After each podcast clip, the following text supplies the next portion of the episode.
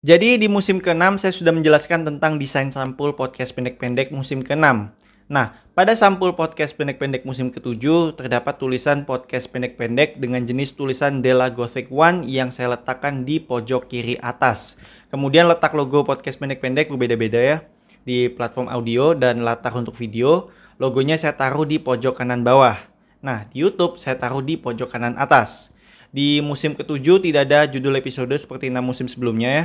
Sebagai gantinya, saya memberi kotak di mana di situ ada tulisan musim 7 episode, kemudian di bawahnya saya beri nomor episode tersebut dan jenis tulisannya Della Gothic One. Kemudian di musim ke-7 masih ada gambar yang mewakili setiap episode ya. Nah, itu tadi desain sampul podcast pendek-pendek musim ke-7. Kalau dibandingkan dengan musim ke-6, jelas ya perbedaannya banyak sekali ya.